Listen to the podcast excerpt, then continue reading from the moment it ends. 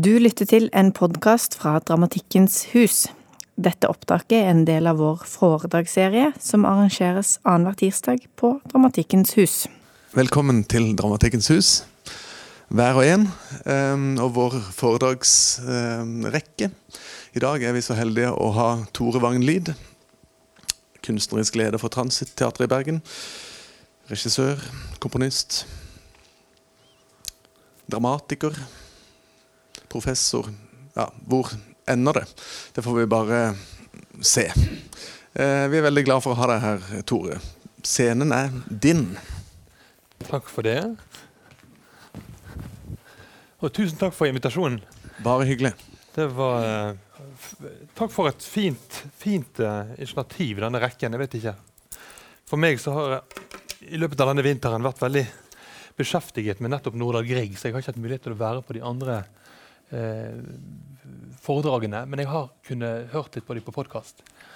Jeg valgte meg Nordahl Grieg, og det er en god grunn for det. Jeg eh, har på en måte hatt hodet og kroppen i djupt ned i Nordahl Grieg. Eh, Nordahl Grieg sitt prosjekt nå i flere år, nærmest.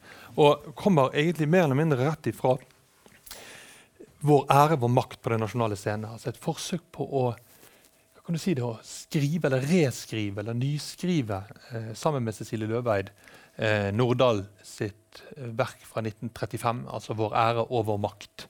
Det har vært en fantastisk fint eh, møtepunkt. Det har vært en eh, intensiv prosess. Det har vært en produktiv research både i forkant og i, i etterkant, vil jeg si. I den forstand at det, Noen av dere har kanskje fått med dere den diskusjon som brøt ut i kjølvannet av denne, denne, denne forestillingen. Jeg tenkte jeg skulle komme tilbake til det, Men aller først har jeg bare lyst til å gi ordet til hovedpersonen sjøl. De som ikke har hørt Nordahl sin stemme, her er et sjeldent opptak. Nordahl Grieg taler. Den som har opplevd disse dagene, begriper religiøsitetens vesen bedre enn før.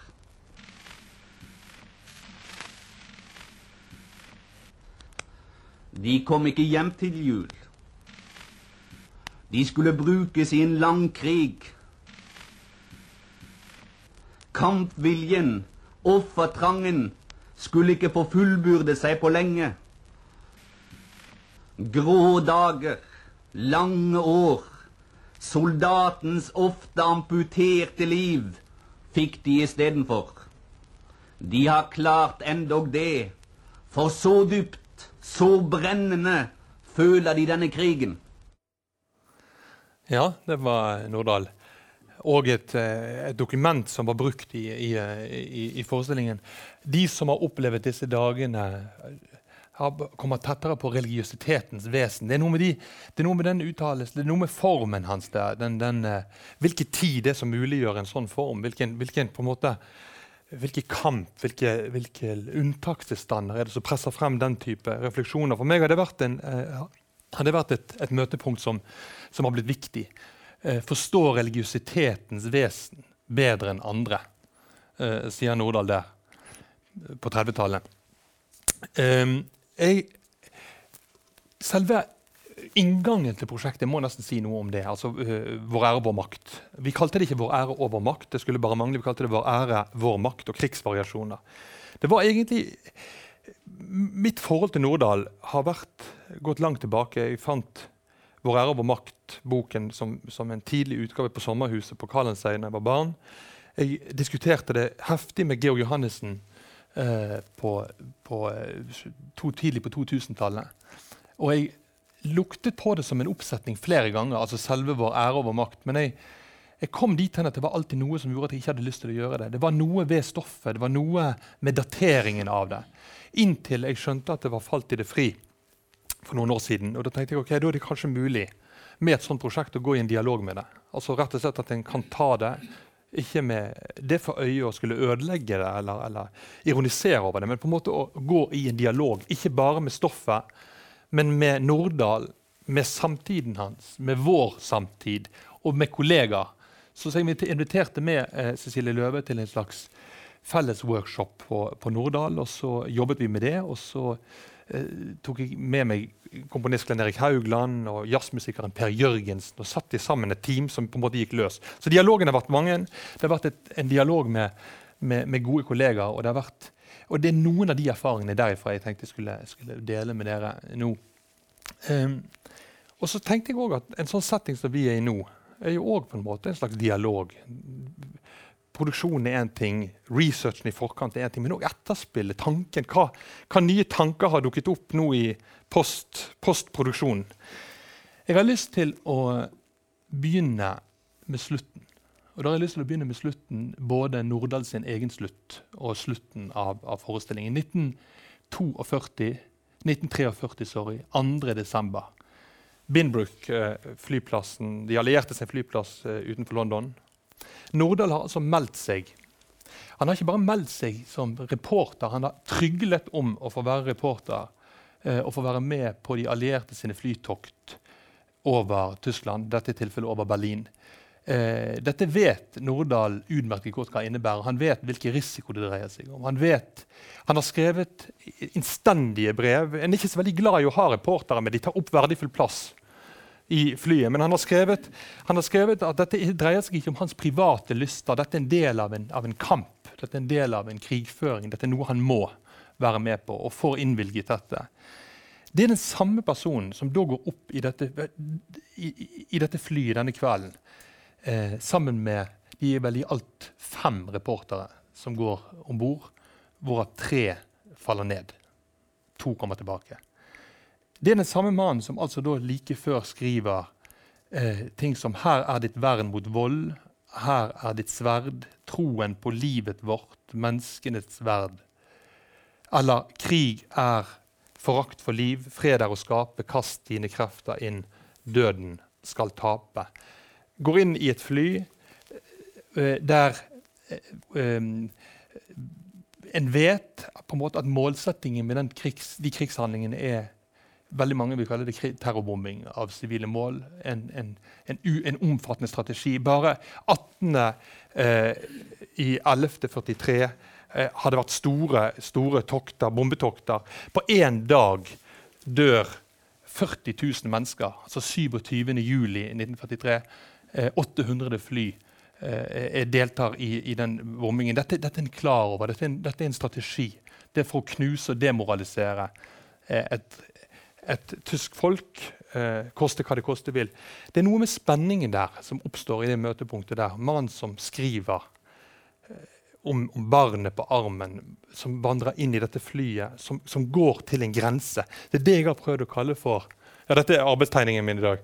Om nøytralitet Det er ikke meningen at noen skal følge med på den, men den, den på en måte prøver å, prøver å følge noen linjer.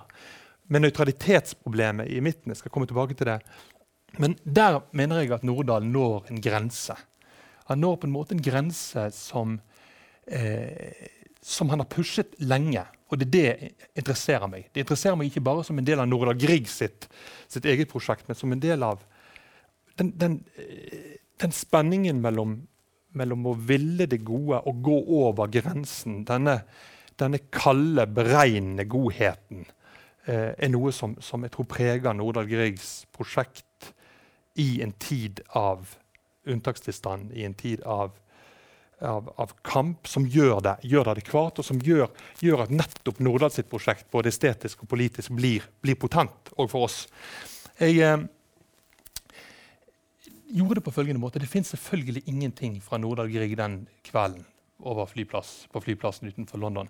Men det fins en reportasje som, som jeg fant i, i, forbindelse med researchet. Så fins en reportasje um, som var gjort av uh, Edward Murrow, amerikansk journalist, som var med på nøyaktig det samme toktet som Nordahl. Uh, som kom tilbake, som leverte sin reportasje. En ganske fin reportasje. Og det er så nært en kommer at det måtte brukes til noe. Uh, så sier Murrow Jeg har ikke tid til å vise, vise dere alt der, men så sier Edward Murrow at han forteller at det er en del av reporterne som ikke kommer tilbake, og at hans i god journalistånd så er hans reportasje òg for de, som han sier. Det er en gest til de som ikke klarte det, som ikke kom tilbake. Jeg tenker at det kunne, i alle fall som en konstruksjon, kommer han temmelig nær der Nordahl kunne vært. Det har jeg brukt i, i regikonseptet mitt skal se på det om et øyeblikk. Så fantes det ett opptak til. Det finnes to historiske opptak fra innsiden av cockpiten, av, innsiden av flyet, av Lancaster-flyene. Samme som Nordahl fløy. Altså Der en hører flygeren snakke med hverandre. Et fly som òg blir skutt på. Jeg prøvde å koble de to på hverandre uh, i slutten av dette prosjektet. Bare For å gi dere en liten inngang i hva forestillingen var for noe, eller er for noe. Skal forhåpentligvis opp igjen. Så, så kan vi bare se eh, Ida, kanskje vi kan bare gå inn der på slutten av, av av vår ære, vår makt, på nasjonale scener nå i vinter.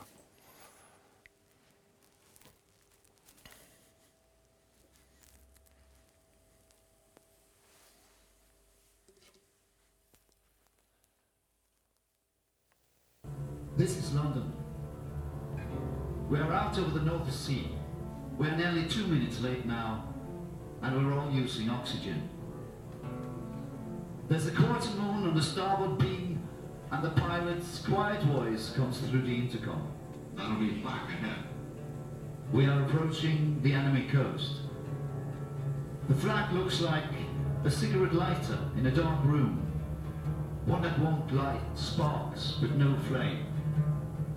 We are flying steady and straight in the slipstream of other Lancasters ahead, and we are over the enemy coast.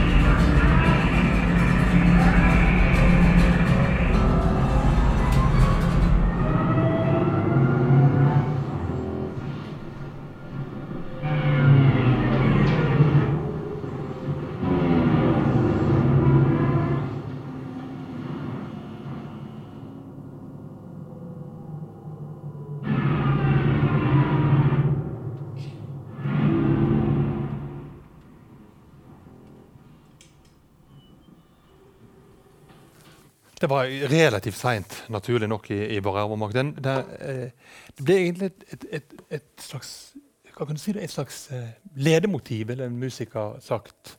Et ledemotiv, det der med, med, motorene, som, med motorene som stopper, og pausene mellom altså vet, Dere vet når motorer hopper over et slag. Eh, motoren som går jevnt, og så stopper han, så kommer han på et, så stopper han. Så De små øyeblikkene på en måte der døden taler det går et som et ledemotiv gjennom hele, hele, forestillingen. Motoren som Nordahl var så ekstremt opptatt av, Lancaster-motorene, som man går og hører på, og som han er begeistret for, eh, spiller et musikalsk rolle i forestillingen. Kanskje jeg kan si litt mer om det etter hvert, men eh, det blir et slags Det der, Nordahl som nærmer seg en grense, Nordahl som går over en grense, blir et slags møtepunkt med noe som jeg har vært opptatt av lenge, altså nøytralitetens problem. Det finnes et, et sted hos, hos, Heiner Müller, den tyske forfatteren, som eh, jeg har brukt flere ganger, der han skriver, skriver at denne sivilisasjonen er en stedfortredelsens sivilisasjon. Den vil at andre skal gjøre, andre skal mene. Eh, eh, Nei, vi, vi, vil mene, vi skal gjøre, men andre skal gjøre. Vi skal bare mene, vi skal bare stemme over det. Vi skal bare ta de indirekte beslutningene. Men berøringsangsten, hevder, hevder Müller, ligger djupt i på en måte vår sivilisasjon. Det er et punkt der med Nordahl. Når Nordahl sier veldig seint eh, før, altså i, i, livet, helt opp mot, mot, dette siste steget, skal vi bare overlate til andre å være bødler så skal vi bare overlate til andre å være bødler. Så nærmer han seg det overskridende spørsmålet som gjør dette potent, og som jeg tror settes på en måte i sentrum av, av Nordahl sitt prosjekt. Det blir det òg nettopp fordi at han stiller det i en tid der ting står sånn på spill.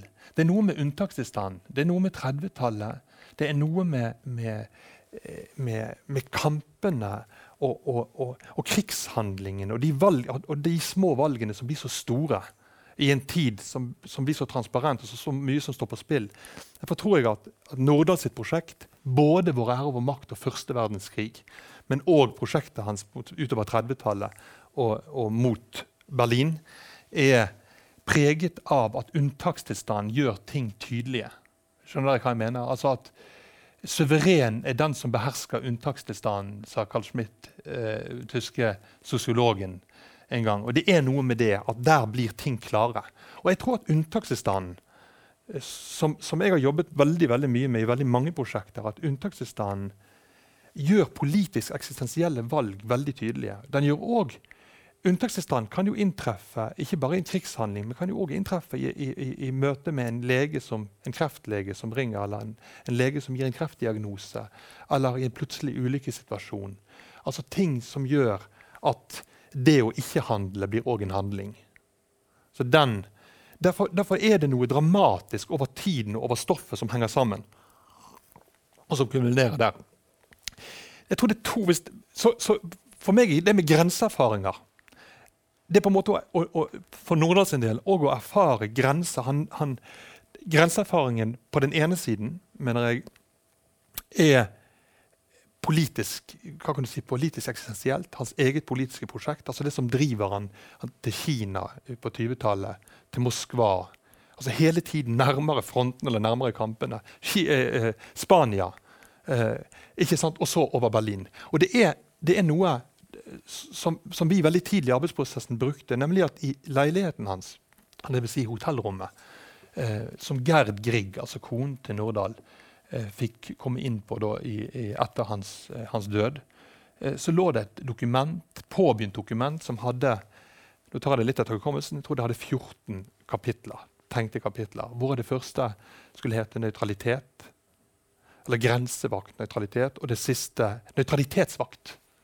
Og det siste skulle hete Over Berlin.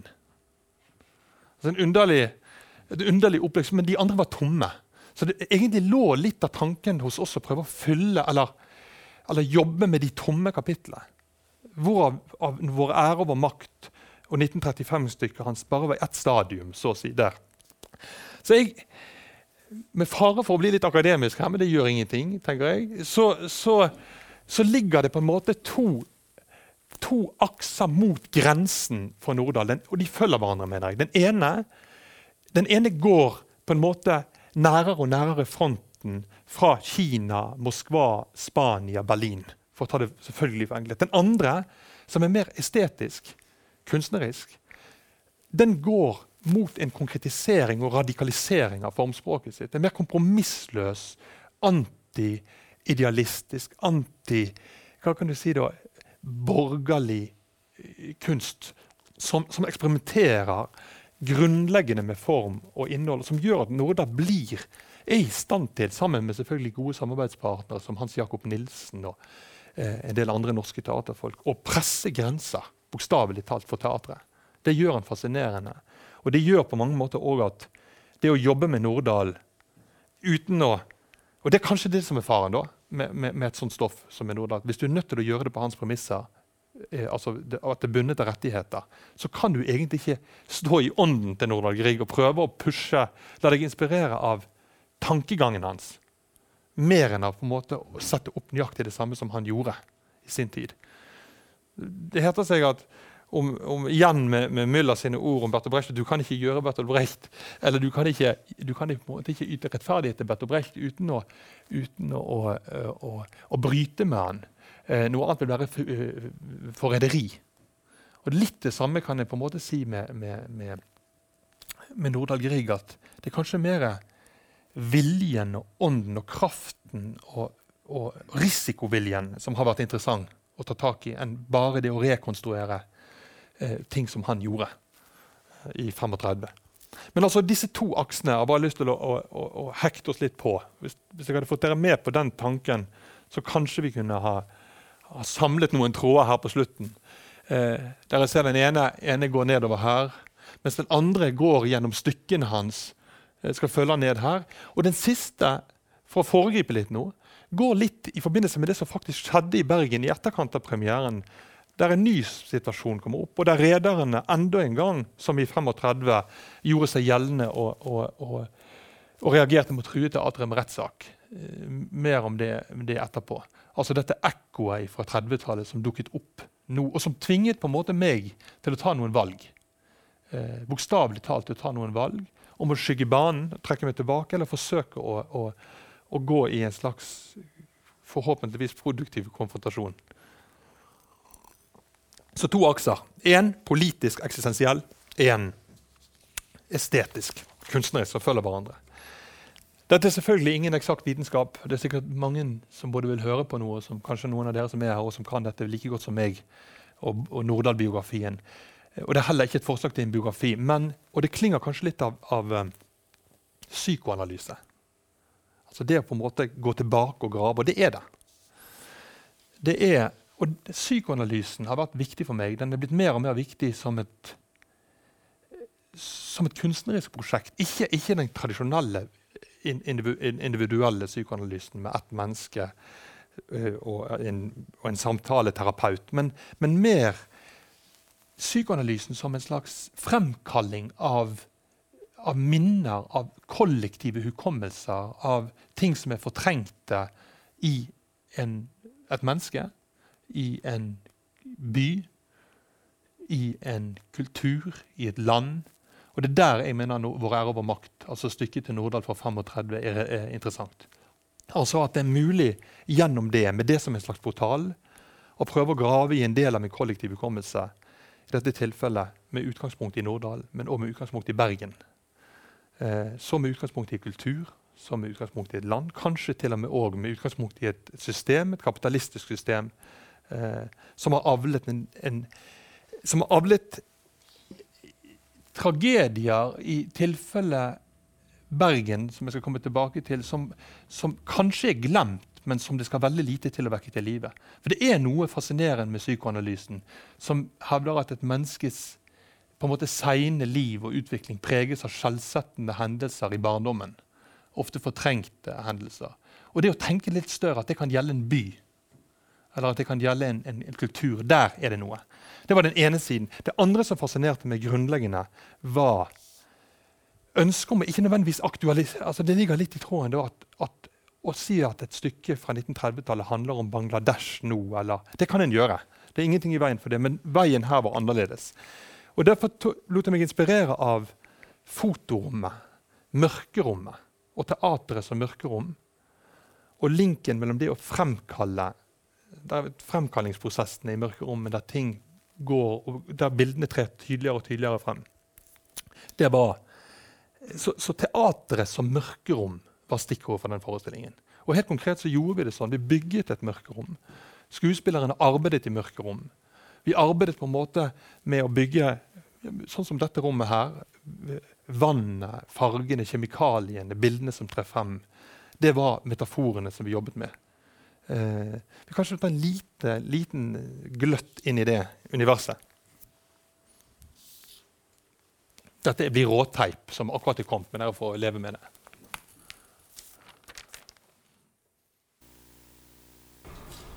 Gå til et sted du liker Gå til et sted du føler deg trygg.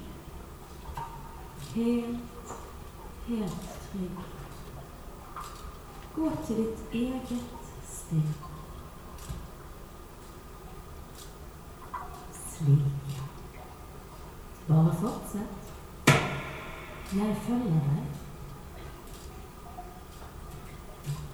Er vi framme? Så. Vil du bli her litt? Vil du sette deg ned? Slik. Du er her. Du er tilbake. Du er et barn igjen.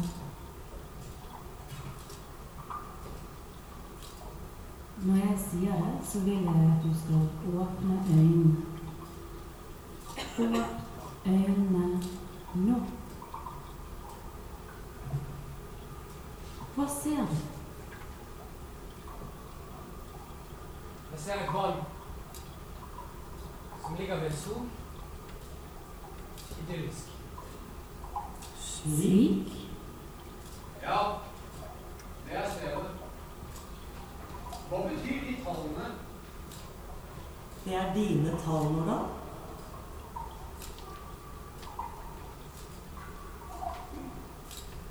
Det var et underlig ord. Ja, ikke sant? Jeg vi er her nå.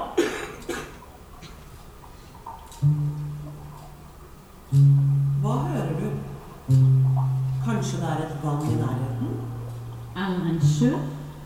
Ligger det i nærheten av sjøen? Ja. En havn, kanskje? Ja. Da er det sikkert båter der. Hvilke båter?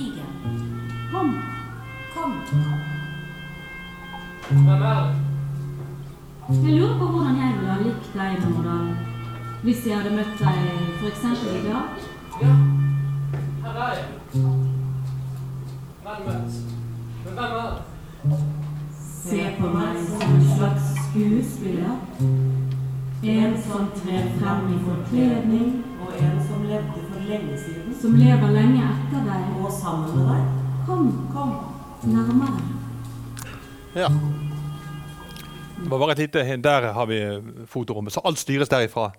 Um, analysen, fremkalling, fremkalling av minner, fremkalling av felles erfaringer i ett felles rom, ett teaterrom. Det var målet.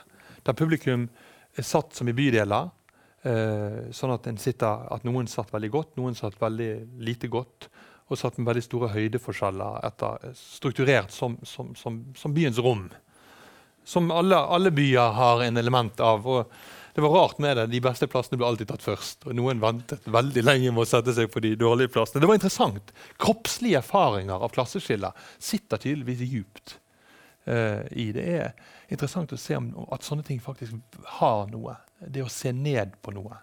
Det å stå ovenfor og se ned på det, å føle at noen ser ned over. Sånne helt enkle, grunnleggende uh, Det å se opp til altså, som, som, teatret kan gjøre til sitt material.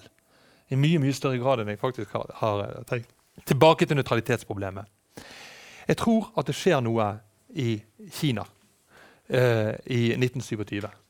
Jeg er ganske sikker på at det eh, Når jeg jobbet med research, at det ligger noen ting der denne unge mannen reiser ned og treffer unntakstilstanden enda en gang. Kina på randen av borgerkrig imperialistene, det britiske imperium, vakler. Eh, kommunistene mobiliserer langs to forskjellige akser. Eh, han reiser rundt for å møte de forskjellige folka og leverer manuskriptet sitt til sin bror Harald Grieg, eh, som eh, som en slags dagbok eller som en slags reise, reisejournalistikk. Jeg skal vise dere to fragmenter. Jeg mener at det skjer noe inni denne boken. Det skjer noe grunnleggende som presser Nordahl Grieg videre i et prosjekt som jeg tror kan være relevant. Det ene er det punktet om tropehjelm og hans voldsomme begeistring. Han kommer inn med en Han sier blod og elsk over glans og mørke, den forbudte by i fontenen av Jade, den asurblå himmels pagode, de 10 000 buddhaers tempel, for en lykkelig evne kineserne har til å finne navner fulle av løfter og hemmeligheter. Vi sitter i måneskinnet oppe på taket av Grand Hotel de Peking, og der borte i horisonten bjergene i vest. Har noen fjell i verden et skjønnere navn? Solnedgangen lyser gjennom ordene. En stripe av støv og purpur gløder over en sort silhuett. Disse fjell er de siste. De er jordens grense mot vest, og luften er kald av evighet. Tidlig om morgenen drar vi ut. Heten er plutselig bløffet opp over Peking. Det glimrer av 40 grader og støv og blendende lys. Øyeblikket er kommet. Tropehjelmen kan tas i bruk. Milde Gud for en fryd å sette den på. Som en selvfølge, et nødvendig plagg. Det er en av livets store sensasjoner, i slekt med ens første revolver og det første kyss. Dens kritthvite kork hvelver seg lett over, som et fat over hodet. Den buer seg over en praktfull, solgnistrende verden. Kiplings, Konrads, tusen eventyrs. Og selv er man opptatt i det store broderskap. Vi er under tropehjelmens magi, og bjergene i vest venter på oss. Det er den unge Nordahl. Så en erfaring, det, det, fine med den formen er at han hopper fra erfaring til erfaring. og Boken forandrer seg på en måte som i altfor liten grad er undersøkt, mener jeg et, et, et, et senere i boken. Der ligger noen skikkelser tett ved stien hvor jeg går. De askegå ansikter er vendt som stivnet mot himmelen, men av og til rører en hånd seg, og så blir alt stille igjen. Det er syke kulier som har søkt hit ned for å dø. Og nå ser jeg at det er mange av dem. Av disse levende skjeletter her på skråningen. Nedenfor skyller Yang Tse-Chang forbi. Fra elendighet til elendighet går dens grå bølger, går selve sorgens flod. Men plutselig ser jeg en skikkelse ved mine føtter løfte på hodet. Det er en ung gutt. Øynene stirrer glassaktig fremfor seg. Jeg hører en rallen, ser litt blod. Så synker han sammen. En kuli er død. Et menneske er død her på Elvebakken, noen få meter fra hovedgaten, i den larmende, blå ettermiddagen. Så kommer det vesentlige punktet. Han møter Lenins utsendte agent, Borodin. Borodin var en legende allerede den gangen. En av Lenins mest betrodde menn. Vi er i 1927. Han møter, han, en rekke av andre, han møter alle politiske ledere, fra høyre til venstresiden. Men det er én som biter, seg, som biter seg fast. Og det er der han innfører et ord og et begrep som for meg var viktig jeg skjønner at det har vært viktig for meg før, men jeg mener at Nordahl setter navn på det. En slags erfaring av det han opplever som en kald varme. Altså en varme som er kald. Han sier om Borodin og dette, her, her, er Nordahl ung. Dette er lenge før Moskva-prosessen. Dette er 1927. Han sier Først legger han merke til at Borodin ikke, aldri stiller spørsmål. Han bare venter på at Nordahl skal stille spørsmål. Og, og har en taushet som Nordahl merker seg scenisk nærmest er sånn at etter tausere Borodin blir, etter mer må Nordahl snakke, og etter mer informasjon får Borodin. Så Han aner at det er en slags strategi i spill, men så sier han det er en av Sovjets første ledere som sitter foran meg, men han har bare spott til overs for tanken på kommunisme i Kina. Hykler, sier engelskmennene, men Borodin er ikke det. Aldri har en mann vært det mindre der han sitter i sin enkle, grove kaki i sitt arbeidsværelse ved Yangtze-Kiang, med kineserhopen larmende under sine vinduer, er en representant for våre dagers merkeligste eventyr. Det er det, det som er Kremls, men ikke kommunismens. Den enorme forstandsnydelse, taktikkens besettende lidenskap, den verdenomspennende, den siste glede. Hva, spill, hva står på spill? Man sier det britiske imperiums undergang. Men målet betyr mindre. Tider finnes ikke seier. Sjakktrekk desto mer. Kulistreiken i England, gjerningen i India, arbeidet i Afghanistan. Men hva er alt dette mot de 400 millioner som våkner i Kina? Et grep om en brikke, et grep om en hel rase, en slank, fullkommen hånd som fører verdens veldigste folk fremover sine ruter. Taktikk. Men den er ikke iskald og selvberuset som Eugen Kjens. Dens kulde har allikevel en dulgt varme i seg, en vemodig forståelse av menneskene. En tro, kanskje ikke på et mål, men allikevel på en gang. Borodin er det som i kraft av sin virksomhet her ute har hedersplassen ved denne de glimrende hoders bankett, ved intellektualismens fest.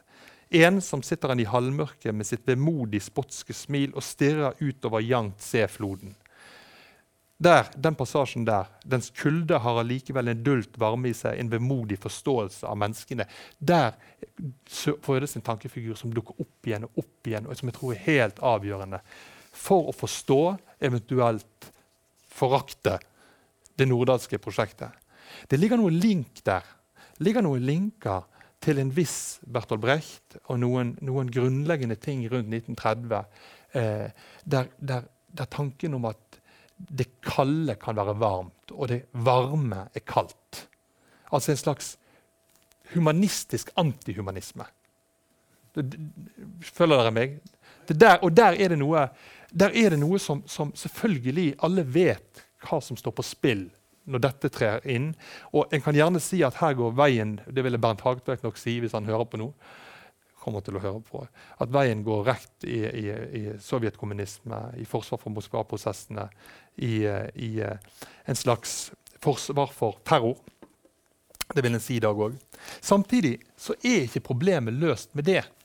For i den beredskapen der så ligger òg evnen til å Hva kan du si Avkle falsk godhet trenge bak den gode viljen, de gode ideer, de gode, gode ønskene, de gode politiske vyene. Send våpen til Spania, eh, sier, sier, sier, Nordahl. Ambulansene eh, vi trenger, altså, ambulan Det er på tide å hjelpe noen som fremdeles lever, skriver han om borgerkrigen. Som en appell til, til den norske regjeringens vegring mot å bidra til kampen mot Franco. Eh, på Sånne uttalelser Um, jeg skal gå litt inn på det. Altså denne Konseptet om en varm kulde tror jeg er et nøkkelkonsept. Et, slags, et oppgjør med en borgerlig humanisme, det han sjøl kaller en borgerlig humanisme. Det blir òg et oppgjør med norske skipsredere og deres penger til humanistiske for, forbund osv. Um, det blir selvfølgelig òg en, en, en, en, katalysator for forsvaret for Stalin utover 1930-tallet. Men igjen, poenget mitt vil her være å si at problemet med denne kalde varmen og problemet med nøytralitetsproblemstillingen er ikke over bare med å si at Nordahl gikk inn i kommunistpartiet eller, eller ble medlem av eller, eller, eller støttet uh, Moskva-prosessen. han ble vel strengt tatt aldri medlem av partiet, men han støttet, erklært sin støtte mot, for, for, Stalin. Um, han skriver i et notat i en tekst så skriver han følgende. Jeg vil, vil at dere skal høre denne her. Hør på denne. Han sier Apropos hvilken, hvilken, måte, hvilken tankefigur han kan gjøre gjeldende. Han sier jeg tror det nye og sterke menneskets største egenskap må bli dets evne til solidaritet. Det betyr en større fantasi, en utvidelse av den menneskelige fantasien, en større samvittighet når det gjelder all urett i verden. Hvor snevre er ikke grensene for menneskets fantasi og samvittighet? Hvor mye er det ikke å gjøre for å utvide dem? Dersom et enkelt barn blir myrdet, kan det ryste et helt land, ja, en hel verden. Men når tusener av barn blir myrdet, som det nå skjer i Spania, gjør det et langt svakere inntrykk på verden. Hvorfor? Veldig mange ville stoppet der, men han svarer. For meg er det klart at det er selve den borgerlige oppfatningen av individualismen som vi må bryte ned. Individualismen er blitt et lumskt våpen, et våpen for reaksjonen. Ta f.eks. litteraturen. Beskrivelse av at menneskets private anfektelser er etter borgerlig oppfatning godt stoff. Det er menneskeskildring. Men skildringen av et menneske i den sosiale sammenhengen som bestemmer hele dets liv, er agitasjon. Kunsten må ikke bli politisk, ropes det. Det betyr simpelthen mennesket må ikke tenke politisk. Mennesket må overhodet ikke tenke. Altså der, der, er det Nordahl som, er, som, som begynner å nærme seg Der disse to aksene henger veldig sammen. Altså en slags kulde, men med en slags menneskelighet i seg. Det der er et, det er et dilemma, et paradoks, men òg noe som gir næring tror jeg, til et veldig interessant kunstnerisk prosjekt, og som, som transcenderer Griegs tid. Han skriver en annen plass Jeg tror på ungdommen. Utropstegn. Aldri si det. Aldri si at du tror på ungdommen. Det er det verste du kan si. Si heller at du misliker de unge, at du hater dem. Det er noe ærlig, noe nakent og naturlig over den gamle som ser på de unge og sier 'jeg hater dem'. Fordi i det hatet ligger en oppriktig fortvilelse, en ektefølt avmektighet. Men det andre, det sympatiserende synet på ungdommen, troen på den, dekker over noe skamløst og impotent. Vi tror på ungdommen betyr egentlig vi har ikke klart å skape et anstendig liv og samfunn, men ungdommen derimot, ungdommen tror vi på. Slik slår de seg til ro med nederlaget de selv har skapt, innretter seg stille og rolig på sammenbruddet og skyver hele ansvaret for en desperat, en katastrofal fremtid over på andre. Det, det er noe der. Dette er ikke, noe, dette er liksom, det er ikke den Nordahl er vant med å høre på 17. mai. Det er ikke den Nordahl er vant med å høre over hodet. Det er den Nordahl som på en eller annen måte må ha gitt næring til en Georg Johannessen. slår det meg nå etterpå. Jeg må bare si en liten anekdote om at I 2002 så ville eh, en feire jubileet til Nordahl i Bergen. med eh, Nasjonale Scener ville gjøre Nordahl i våre hjerter som en slags sånn jubileumskavalkade. Eh, og Da bestemte Georg Johannessen, Hans Marius Hansten, filosofen, og meg oss for å lage et kontrapunkt som vi kalte 'Nordahl i våre hjerner'. Eh, som på en måte prøver jeg, mer, Etter mer jeg tenker på dette, mer er den der Nordahl i våre hjerner med meg videre inn i dette prosjektet og forhåpentligvis i kommende prosjekter. Men eh, bare, jeg ville bare gi dere et lite innblikk i en for mange i alle fall ukjent Nordahl. Um, så hva med teaterstykket 'Vår ære og makt' 19, fra 1935? For de som ikke kjenner det. Nordahl Grib kom tilbake fra Moskva. Han hadde sett teater, han hadde besøkt Meyerholt, han hadde reist rundt, han hadde fått med seg kinesisk teater. Han, hadde, han var i det hele tatt eh, ganske vel bevandret i, i, i, nytt teater. Så kommer han til Bergen med ønske egentlig om å lage en film. Um, men det skjønner han jo at det er vanskelig å gjøre, og finansiering og det hele. Og han blir overtalt av Hans Jakob Nilsen, som da er teatersjef i Bergen. Uh, en erklært sosialdemokrat, altså jeg vil vel kanskje si sosialist, nå, om å gjøre dette til teaterstykke. Men han har dårlig tid, og han begynner å arbeide utover eh, våren der 35.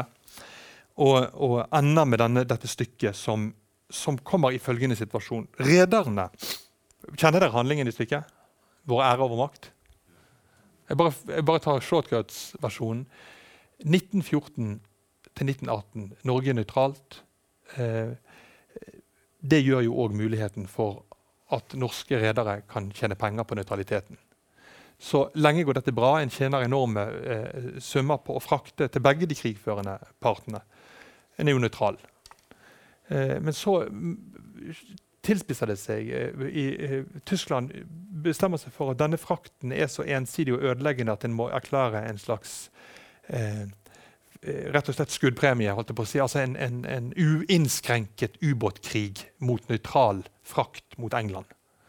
Det gjør en.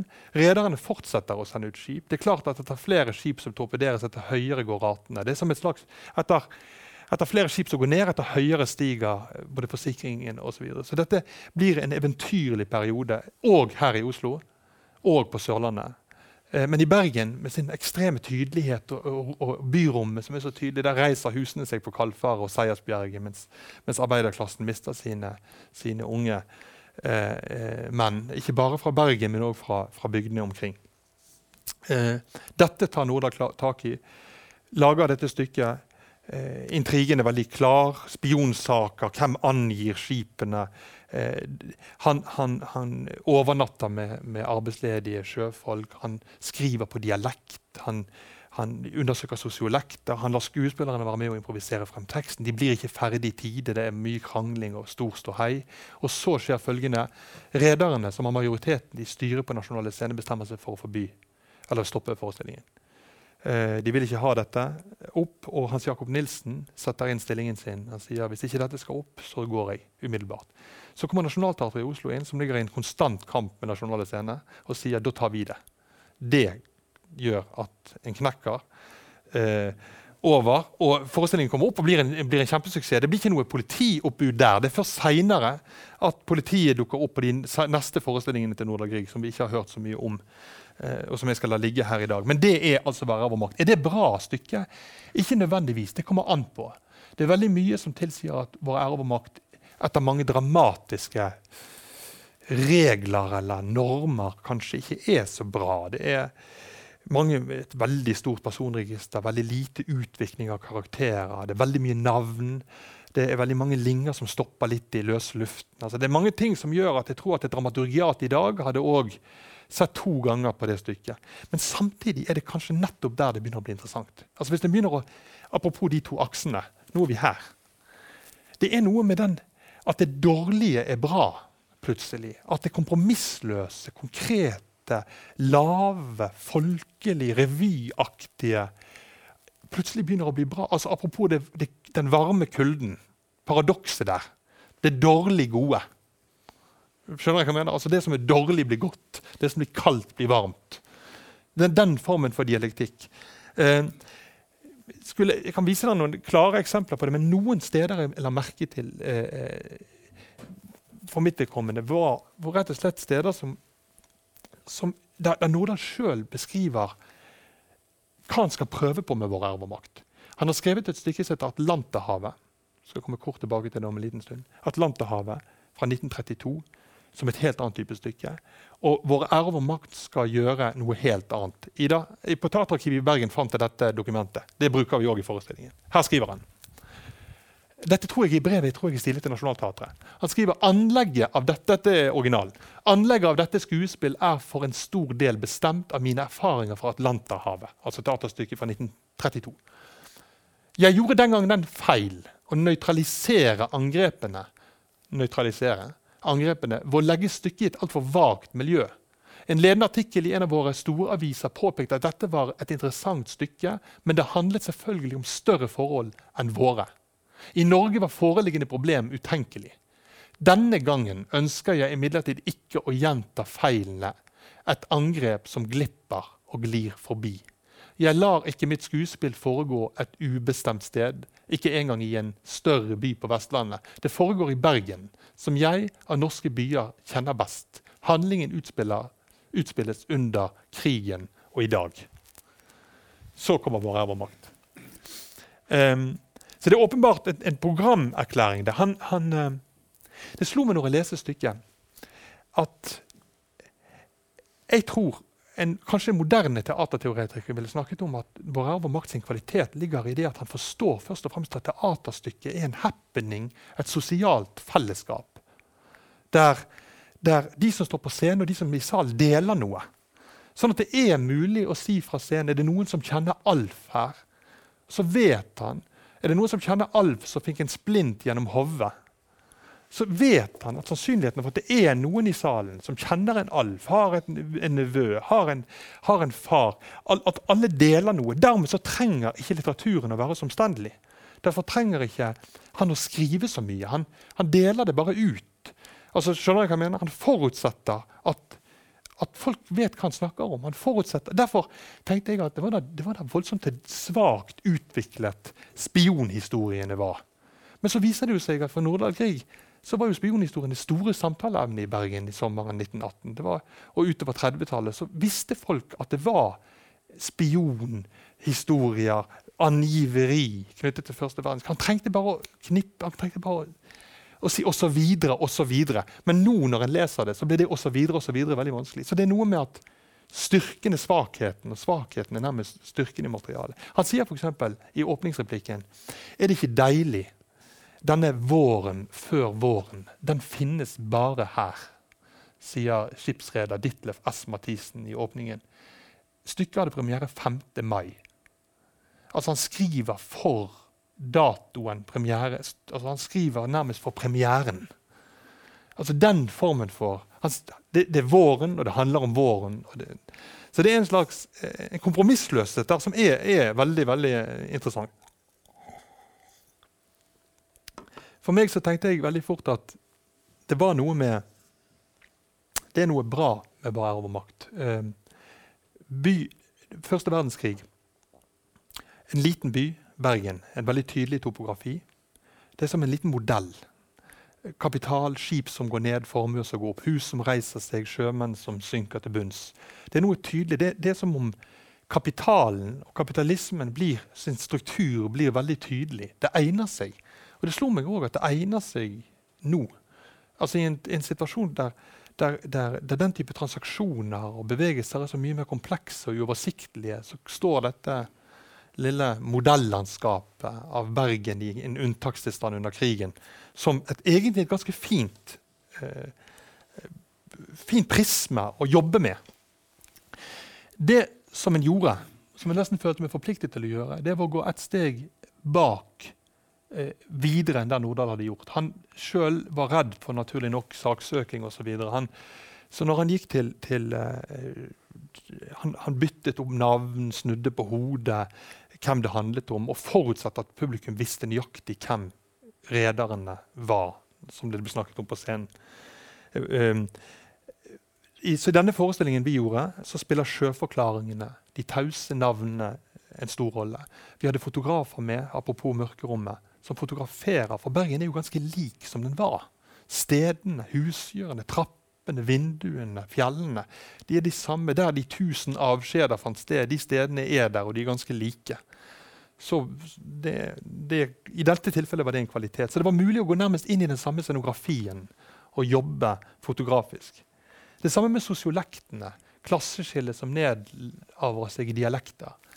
Eh, alle de tingene kunne vi på en måte reskrive og komme, komme på sporet av igjen. Um, det samme med det burleske og det litt lave i stilen. Jeg, flere plasser lot en uh, ting fra den gangen, uh, kostymer osv., eller sportsklær, møte sportsklær av i dag og se hva som skjedde hvis en satt de sammen. Vi kan bare se et lite eksempel fra, fra en av disse sekvensene. Så får dere en liten feeling. Ida, da mente, ja, jeg tenkte på den lille sportssekvensen.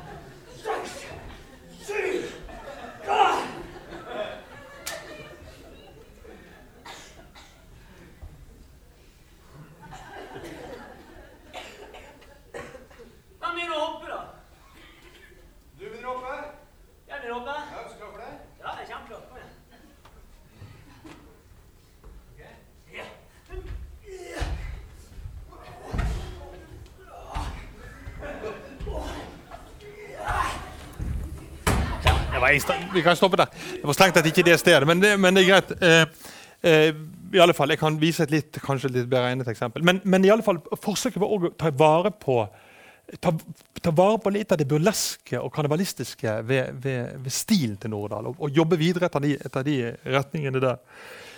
Um, jeg skal vise dere ett eksempel til. Et lite eksempel. Det er øs-øs-aspektet. Det vi valgte å gjøre, var òg å bruke det gamle manuskriptet til Nordahl. Og bruke den ideen om at han ønsket å lage en film. Sånn at han egentlig, så ligger filmmanuskriptet Nordahl egentlig ønsket å legge, lage, det ligger, ligger, gjennomgående i hele forestillingen.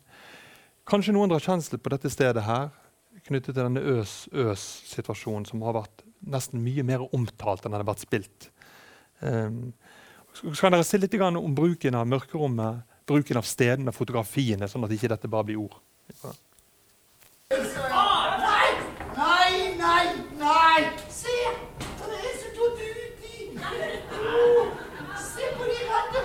Den som er datt uti, det er en liten sånn eh, figur som en kjøper på Nille som pynt til cocktailer.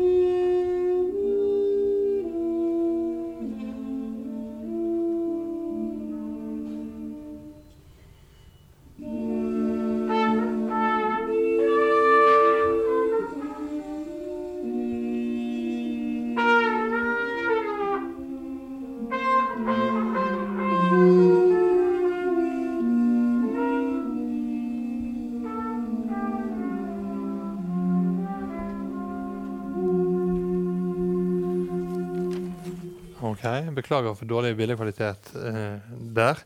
Eh, men et lite inntrykk av, av, av form. Dette var Per Jørgensen, eh, som så jazz eh, eh, Etter hvert jazzlegenden Jøkleba sin, sin eh, trompet har spilt en veldig viktig rolle i et orkester bestående av gitar, klaver, sammensatt av klassisk og av jazzinnganger. Um, jeg skal, tenkte vi skulle overlate Nå har det gått en time, og det passer egentlig greit. Jeg, jeg, eh, skal si to ord om etterspillet. For det som altså skjedde. Da er vi her. Etterspill. Apropos det med fortrengte eh, erfaringer og konfliktakser. Det heter seg i psykiatrien at en husker tre generasjoner.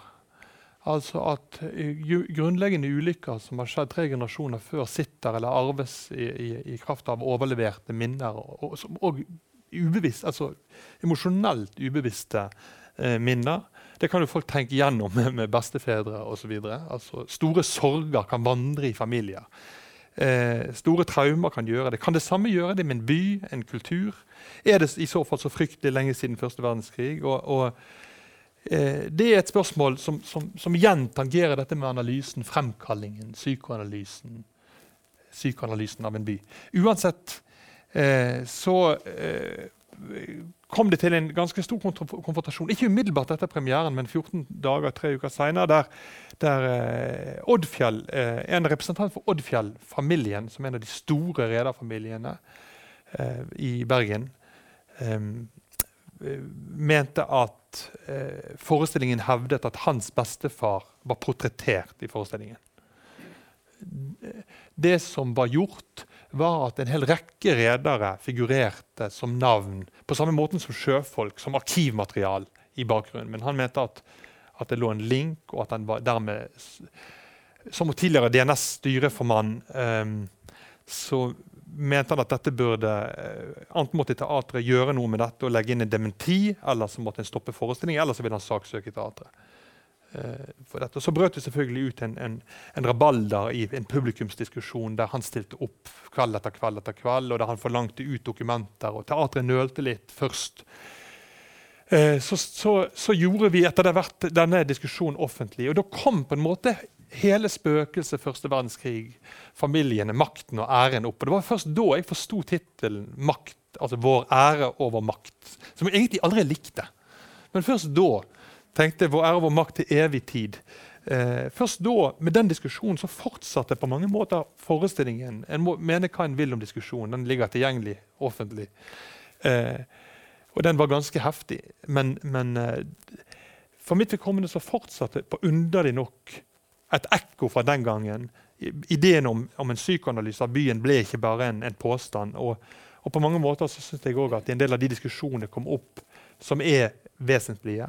Skal en lage et teater som aldri berører grensen eller går over grensen? Skal en alltid ligge innenfor høfligheten? Skal en alltid skru ned volumet? Skal en alltid gjøre det sånn at en bare antyder at noe kan være politisk osv.? Jeg tenker det vrimler av diskusjoner som sier når kan teater være politisk? eller Jeg har selv vært med i tusen av de. Men kanskje det av og til går an å stille spørsmålet når har det vært det? I hvilke øyeblikk skjer Når hender det noe? Og så spørre om forutsetningene for det. Ikke nødvendigvis at det er det teatret skal gjøre, men det er så lett å bare forskuttere og peke fremover hele tiden. Det aller, aller siste som spilte en viktig rolle I juni i fjor så satt jeg og arbeidet med Atlanterhavet, dette stykket fra 32. Det er en liten passasje jeg vil at jeg skal, Dere får mene hva dere vil om det, men det er en, en underlig passasje i slutten av det. Det handler om en journalist, Ketil, en ung, idealistisk journalist i utgangspunktet, han ender med at han melder seg med alt han har, uh, for å komme seg opp som reporter i et fly som skal over Atlanterhavet. Det er handlingen. Derfor skal han ha med seg en radiosender og broadcaste denne bragden til verden. Uh, det flyet styrter, uh, og denne Ketil dør. Det er noen passasjer der. Helt på slutten av forestillingen så lar vi på en måte Nordahl eh, gå inn igjen i det manuskriptet. Før han reiser over Berlin. Eh, jeg skal vise dere bare teksten. Jeg tok et bilde av teksten. Jeg håper det går an å lese det. Gjør det det? Moren sier 'Hva er det?' Kjetil sier 'Jeg reiser innover i natt. Det er en plass ledig i Atlanterhavsmaskin'. Kjetil, dette mener du ikke? Jo, ingen makt kan hindre meg. Jeg kan ikke gå omkring slik sløv, halvt åndssvak.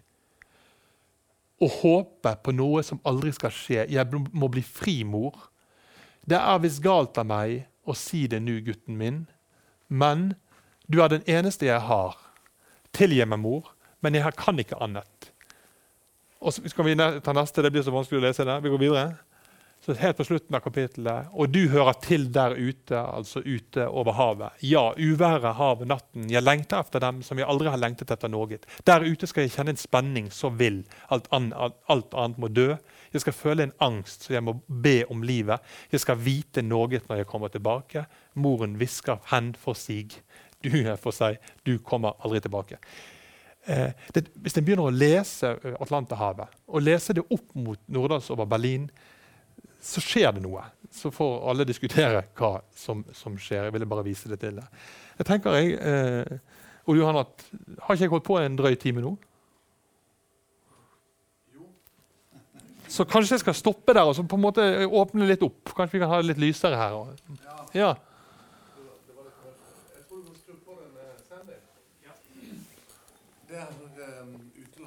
Jeg vil si bare en liten ting til slutt. Det er bare aller siste som jeg glemte. Eh, apropos nøytralitetsproblemet. Før vår ære og makt, og nå, senest nå, på det prosjektet vi jobber med her inne på huset nå til fredag, så er det det som står i sentrum. Altså unntakstilstanden, kunsten å overleve unntakstilstanden. Skal en bare overlate til andre å være bødler? Altså Hele det eksistensielle politiske spørsmålet. Da er Nordahl Grieg ikke der. Eh, men jeg, bare, jeg tenker også at én ting er å fremkalle Nordahl til vår tid, men en annen ting er å tilbakekalle oss til hans. Så et motto var den gangen å la oss fremstå i svart-hvitt og Nordahl i farger. Det var på en måte litt av, av konseptet. Jeg vil eh, først og fremst bare eh, takke for en utrolig interessant innføring. Innledning. Jeg ble veldig interessert i noe av det siste du snakka om, altså dette Atlanterhav-materialet. Kan du ikke bare si litt om altså Har det vært Ja, altså det, oppført? det, det ble ikke noe suksess, for å si det sånn. Nordahl skulle sjøl regissere det. Eh, nå er det bruk, altså nå, nå, sant, En del av det materialet inngikk hos meg og Cecilie nå. eh, Cecilie Løveid, altså, i, Ja. i, i materialet. Men, men det har vel Det har blitt eh, Det er jo noe det har noen problemsider ved seg, men det har også noen interessante aspekter. Altså, skrevet, jeg tror det var uroførelsen var på Nasjonale Scene. Jeg vet at Nordahl sjøl eh, var involvert som regissør. Og at året var 32, og at ingen var helt fornøyd. Ikke han heller. Men det, var, men det har noe ved seg, altså, det materialet. Ja. Eh, mikrofonen er ledig for den som måtte ønske å melde noe. Vær så god. Nei, jeg bare tenker på eh, det litt paradoksale med at um, man sidestilte soldater og arbeidere på 30-tallet. At eh, de intellektuelle og de som liksom De som var i protest, de stilte, seg, eh, stilte opp sammen med soldatene, mens nå så gjør den venstreliberale siden i Norge det omvendte. At de er mot um, de stiller seg på den andre siden av krig. altså De er ikke mot de som starter krigen, men de stiller seg på en måte mot de som går ut i krigen. Hva tenker du om det? Ja, jeg, jeg, jeg tror Jeg, jeg, jeg toucha borti å forstå det, men helt, jeg tror ikke jeg helt fikk med meg problemstillingen. Altså at På 30-tallet jeg vil gjenta den en gang til, på 30-tallet så At det var mange uh, intellektuelle forfattere Som som, Nordahl som Spania, dro til Spania, Mm. som kjempet med altså, uh, i borgerkrigen i Spania. Nå så har vi en uh, um, Den samme siden, da, politisk, er veldig ofte imot Altså, de er imot krigen, det skjedde jo på 70-tallet. Mm. At det ble en veldig sånn pasifistisk holdning. Men vi er fortsatt i krig. Men nå er vi på den andre siden. Altså Borgerskapet har på en måte flyttet seg til venstresiden. At det er Mm. de som er imot. hvis man skal Det er kanskje å overdrive litt, men uh, en generalisering med likevel noe sant i det. Ja, men men jeg tenker at, jeg tenker også at det er noe av det som, som gjør dette griske prosjektet interessant. Nettopp den Samtidig som, han, som han, han kjenner jo på den berøringsangsten som en stor del av det intellektuelle feltet han sjøl er en del av. Så han, han lever jo i en slags konstant, mer og mer aggressiv Eh, fall, han blir jo veldig, isolert en periode i det der soldatprosjektet sitt. Eh, så, så det er jo ikke bare sånn at, at, at venstreintellektuelle valfarter til Spania den gangen heller. ikke sant? Og, han, og, og, og disse konfliktene med Sigurd Hoel og, så videre, med en del av Oslo-miljøet er gjengangere i, i, i prosjektet hans. Men jeg syns at han som et han, han, altså Det der med at, at han flytter seg sånn i posisjon, risikerer beveger seg over en grense eh, Når han gjør det, så gjør han mye mer synlig det, den problemstillingen du reiser opp. Altså det å ikke gjøre det. Eh, og, og, og, og, det med, med stedfortredelses altså brudd, Hans forsøk på å overskride den stedfortredelseskulturen, eh, der en delegerer til andre å handle og trekker seg tilbake, det er, det er fremdeles det som gjør han politisk potent, syns jeg, òg nå altså òg i vår sammenheng. Yes. Eh, nei, men, eh, nei, jeg bare tenker litt i forhold til um, dette som et forskningsprosjekt for deg. Altså hvis du Det er jo et kunstnerisk prosjekt, og så er det et forskningsprosjekt. som på en måte, Det griper det som på en måte altomgripende arbeid. Hvordan, på en måte, hvordan, ja. Hva er forholdet mellom, mellom disse mellom det? Altså, ja, ja. Det kunstneriske arbeidet og det forskningsmessige arbeidet. Ja, interessant. Jeg, det er jo litt, det, det er jo litt rart det der å, å, gjøre et research, altså Hvor grensene for akademisk arbeid ikke akademi, altså Hva er hva i en sånn prosess? Jeg, jeg tenkte når jeg skulle gjøre dette nå, at jeg ikke skulle være så redd for å, å ta litt noen steder som godt kunne vært skrevet essay om, eller gjort noe annet. altså At, at det betyr at, at, kanskje det kunstneriske researchet eller forskningsarbeidet blir en slags frem- og tilbakegang. Der det å gjøre en forestilling gjør jo på en måte at du forandrer innsikten om et material.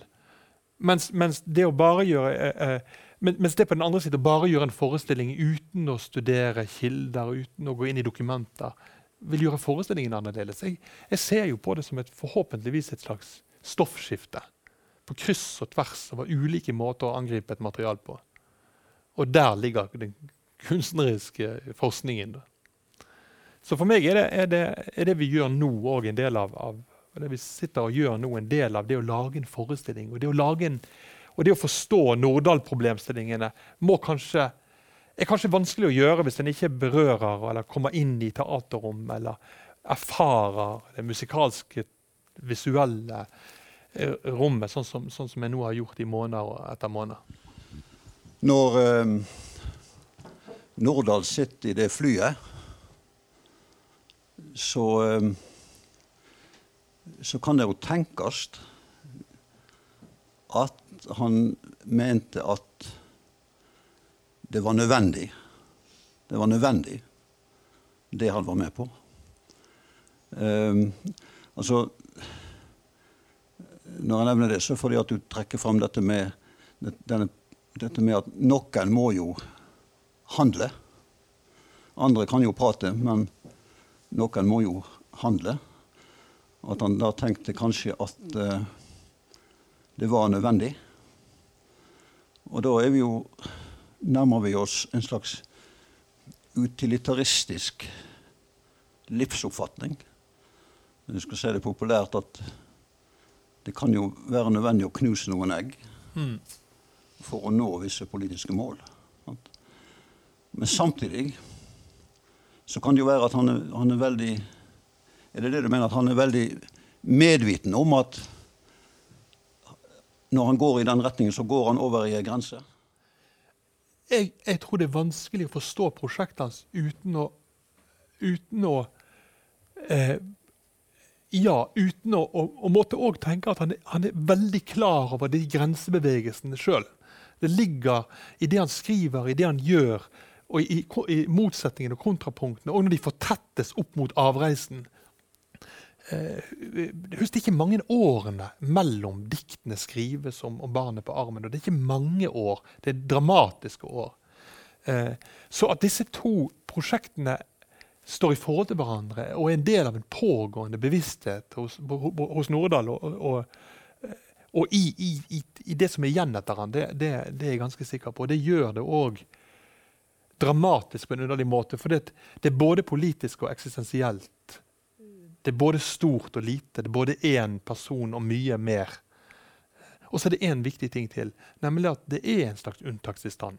Det er en situasjon der, der den Der Hva kan du si da? Sløvheten rundt de problemstillingene rykker til side. Noe som kan skje som i et, øyeblikk av et, der ting blir synlig, der, der, der, eh, der handlinger blir uunngåelige, enten den ene eller den andre veien. Eh, og det er det jeg tror som skjer med Nordahl i 43. det. Mm. Etter at jeg så eh, stykket ditt, så, så leste jeg på nytt uh, 'Ung må verden enda verre'. Mm. Og um, der tar han opp uh, Moskva-prosessene. Og han har, han har en kritisk holdning til det. Altså Han gjennomskuer jo mye av det som skjer.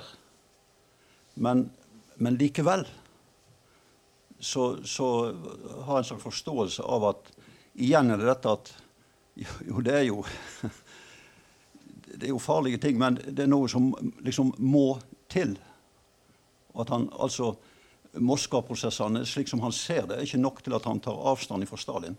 Som om at igjen, dessverre Vi må bare, forts vi må bare fortsette samme veien. Mm. Er det en slags uh, riktig oppfatning her? Ja, altså, jeg, ja, i den grad. Altså, jeg det, Og det er jo der òg. Hvor går den grensen for Nordahl? Og jeg tror at han jeg opplever også i veien frem når han, når han, når han jobber med Moskva-prosessen, så han er klar over at han er i ferd med å isolere seg. Han er klar over at nå nærmer han seg en ny grense. Det virker for, for meg som han hele tiden kompromissløst er en av de som insisterer på at det motsatte av Stalin er så mye verre i det tidspunktet. Altså, det, og det der er vanskelig å forstå nå. Men, men, det motsatte av, av Vi er jo på 30-tallet her. Eh, og at Han forestiller seg at kollapsen til, til, Sovjetunionen vil være så uendelig mye verre.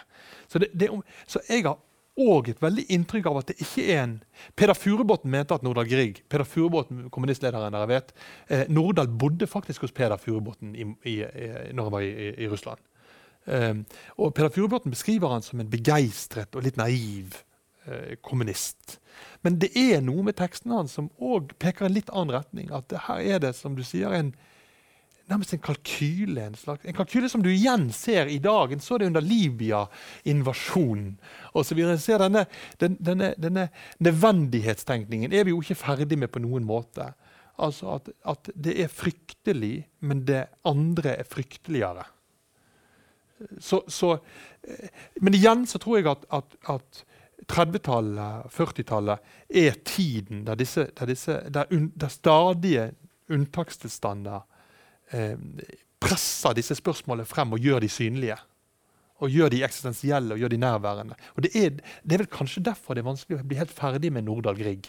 Og fordi at han både reflekterer problemstillinger i stykker som Ung må være enda være, eller i disse pamflettene, disse andre skriftstykkene. Og til sjuende og sist så er jo det òg en mann som har en fantastisk timing. Nordahl. Altså det at han ser på, og For de som er interessert i når kunsten på en måte skal være politisk i en stor politisk forstand Tenk på diktene, eh, altså de, radio, de, radiosendte diktene til Nordahl under 1940. altså hvordan han, hvordan han, når ut, hvor mange som leser, hvor, hvor virkningsfullt det blir. Det må jo òg ha vært for han et heroisk øyeblikk av betydning. Altså når han, når han griper mikrofonen i, i, i, i, Tromsø, på vei ut. Eh, og, og, og, og, får muligheten til å broadcaste diktet sitt om kongen. Eh, altså det er, noe, det er, noe, med Han er en timingens mester. Om det er en egenskap, eller om, en, om det er en flaks, eller om det er en bevissthet, det vet jeg ikke. Men det virker som han det er noe han har med seg fra 1920-tallet. Altså. Det er iallfall noe han er opptatt av. Og Det er kanskje òg noe av det som gjør han, han eh, til de grader kontroversiell og synlig. Ja, eh, Det er én ting jeg ikke helt skjønner. Eh, hvorfor skulle han opp i dette flyet? For at, uh, Alternativet er jo bare at det flyet hadde med seg en bombe eller mer. Ville ja. han være med å bombe? Var det det? At han ville være med på det flyet som han, bombet sivilbefolkningen? Det der er jo òg en det er, under, det er noe om det, det, det ene diktet jeg skal ikke be- be- bedre å sjekke det opp, det er jo diktet om den menneskelige natur som man ikke vil skal offentliggjøres før krigen er over. Der toucher han borti det problemstillingen på en uhyggelig måte. Eh, jeg husker det ikke, at hukommelsen, jeg skal ikke sitere det feil. Nå har jeg sikkert allerede sitert feil mange ting her i dag. Men, men, eh, men det diktet Samtidig så er i, i, i, eh, Som Gudmund Skjeldar skriver i biografien, så er han veldig han, han har et veldig klart argument sant, om at han skal være med og vise eh, til de okkuperte nordmennene at, at Tyskland er i ferd med å, å, knuses, at det er håp. Altså reporteren, og reporteren som våpen, reporteren som soldat. Han ser på seg sjøl som en soldat. Eh, og, og, og, og er opptatt av å nærme seg det militære. Det, det er òg noe noe han har som et prosjekt. Men opptatt, han er òg veldig opptatt av å argumentere mot at dette skulle være en privat noe, noe, noe. Han, han bruker ordet nødvendig. Det er, altså, det er nødvendighet i dette. Og jeg tror, Men det er det diktet da, som, som, som hvisker i de grenselandene der, der òg hevn og, og, og hevngjerrigheten kommer frem. Altså den ekstreme brutaliteten som ligger i det å ta igjen. Eh, som en heller ikke kan under, underslå. Men, men, men det er klart, det er en effektiv, det kan være en effektiv våpen, den strategien hans som har broadcast at nå teppebombes de tyske byene, nå er vi ved Berlin, nå er det like før. Så er det kanskje en mer ondskapsfull versjon. Eh, og kunne sagt at kan, På det tidspunktet der, vi er i 43 nå, så er det mange som mener at krigen går mot en slutt. Og Nordahl får det veldig travelt på det tidspunktet. Det får være opp til andre å spekulere om det, men det er, det er som om man ikke kan komme hurtig nok opp. Så der, kan det, der ligger det noe. Eh, eh, men, men, eh, men, men, det, men det heter sikkert at flygerne altså flybesetningen var negativ til disse, disse reporterne, fordi at de okkuperer en plass og de romantiserer.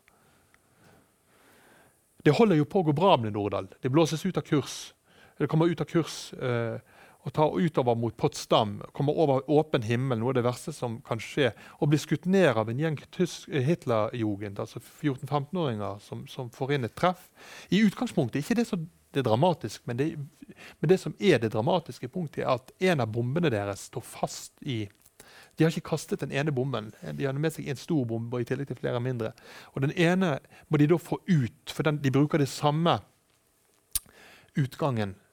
Ikke sant? Og, og når de finner, finner eh, besetningen, så har alle samlet seg rundt den utgangen, men de brenner opp. altså De rekker ikke å, å få bomben ut i tide.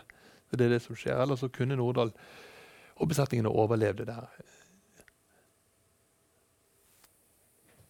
Men igjen, det er, er klar, det er jo det andre. Han er klar over risikoen. Han er klar over at sannsynligheten for å falle ned er skyhøy. Men det er han òg i Spania, når han ligger i denne, denne, denne ambulansen som blir beskutt, at dette er en, et hasardiøst prosjekt. Men jeg er usikker på, på den gamle psykoanalytiske modellen fra 60-tallet om Nordahls dødsønske. Og, og den, den, den, den peker for meg i en, i en, i en Det skurrer. Den peker, peker i en feil retning. Ja. Jeg lurer på om um, siste ord er sagt. Ja. Har, har du noen um, livsnødvendige utgytelser på slutten?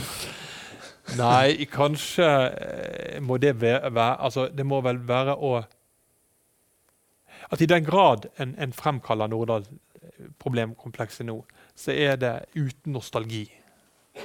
Altså, jeg tenker at å tenke videre eh, og, og, og jobbe videre, og ikke gå for mye, ikke se seg for mye tilbake.